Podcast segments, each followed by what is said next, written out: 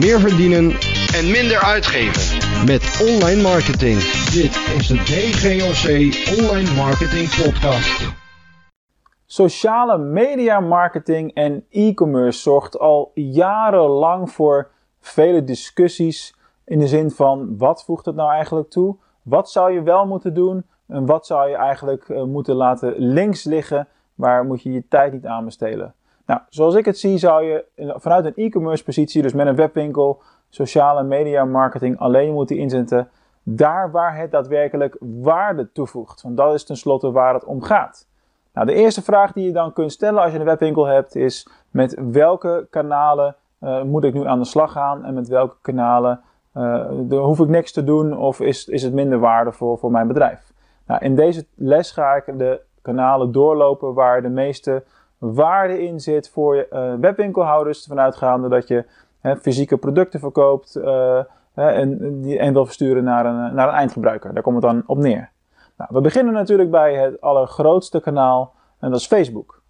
Facebook is natuurlijk een kanaal waar je onwijs veel bereik kan realiseren. En ondanks dat de advertentieprijzen de laatste maanden enorm snel aan het stijgen zijn, is het nog steeds een kanaal waar je relatief goedkoop veel mensen kunt bereiken. en het is sowieso goed om te beseffen of het nu Facebook is of een van de andere sociale media kanalen.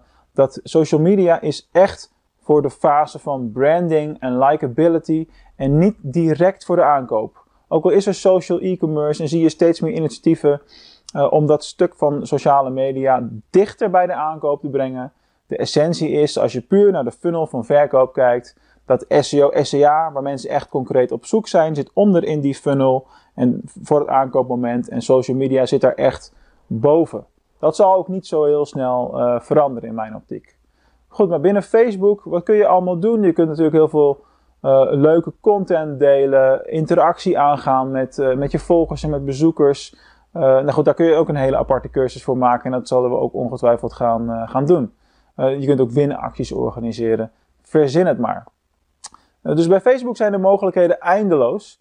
En het, enige is, als je het gaat doormeten uiteindelijk in het resultaat, is het altijd wat moeilijker aantoonbaar van oké, een verkoop komt rechtstreeks vanuit Facebook of Facebook heeft een rol gespeeld waardoor men is gaan zoeken en uiteindelijk via een tweede, derde, vierde klik via AdWords bijvoorbeeld binnen is gekomen en dan een aankoop heeft gedaan. Dus dat is altijd goed om te, om te realiseren. Maar Facebook ligt altijd vol kansen uh, voor, uh, voor jou als webwinkel-eigenaar. Sowieso de basis van al die kanalen is gratis, dus, uh, maar waarom zou je het niet doen? Dan nog, keuzes maken hoort er dan bij.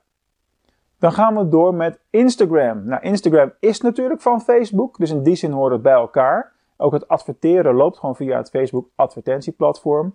Uh, maar Instagram is belangrijk om te noemen, omdat het een kanaal is wat heel snel aan het groeien is. Nu is het wel zo dat je het afhankelijk is, en dat is bij Facebook ook wel het geval, maar iets minder, van welk soort producten verkoop je. Met name dingen rondom uh, food en rondom fashion doen het op Instagram heel erg goed. Maar ook dingen rondom design, kunst, noem het allemaal op. Dus alles wat, wat likable is, waar mensen graag foto's van zien. Want Instagram is natuurlijk met name bekend om, uh, als fotoplatform logischerwijs. En al helemaal met de huidige toevoeging van de onlangs toegevoegde opties rondom Instagram Shopping. Waarbij je dus in je uh, feed producten kan gaan taggen en direct naar buiten kan gaan linken.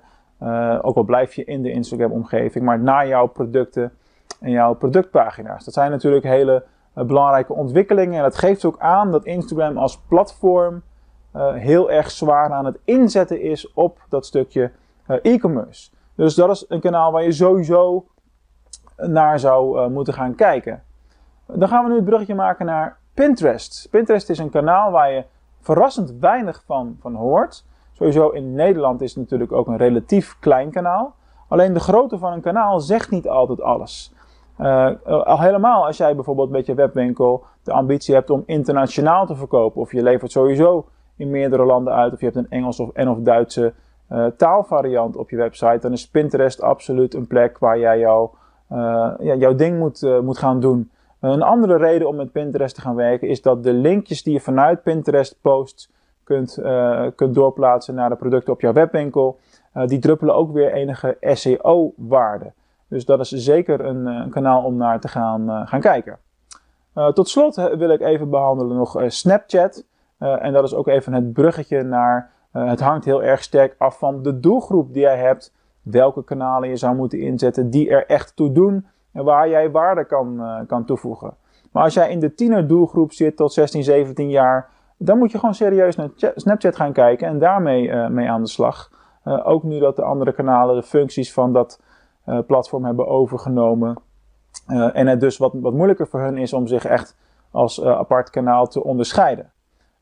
samenvattend, Facebook, Instagram, dat is vaak de basis. Aangevuld door Pinterest en afhankelijk van je doelgroep kan Snapchat een rol spelen.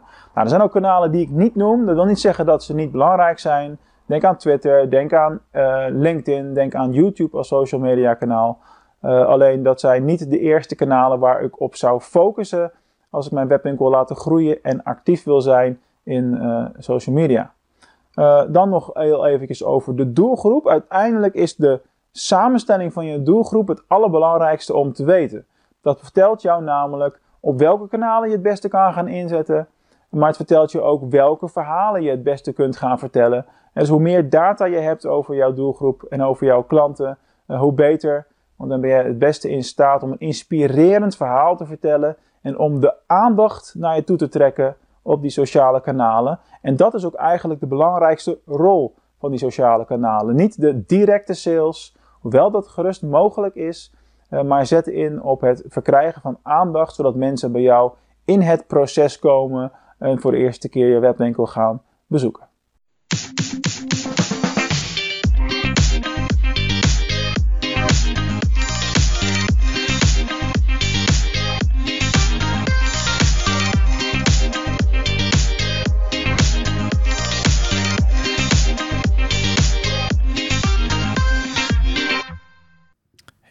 Soms, dan haalt de tijdje natuurlijk wel een klein beetje in. In deze opname van 2019 eh, heb ik het nog over vooral branding bij, uh, bij Facebook marketing gehad, zoals je net hebt uh, kunnen horen. Nou, daar wil ik in 2021 toch wel even op terugkomen.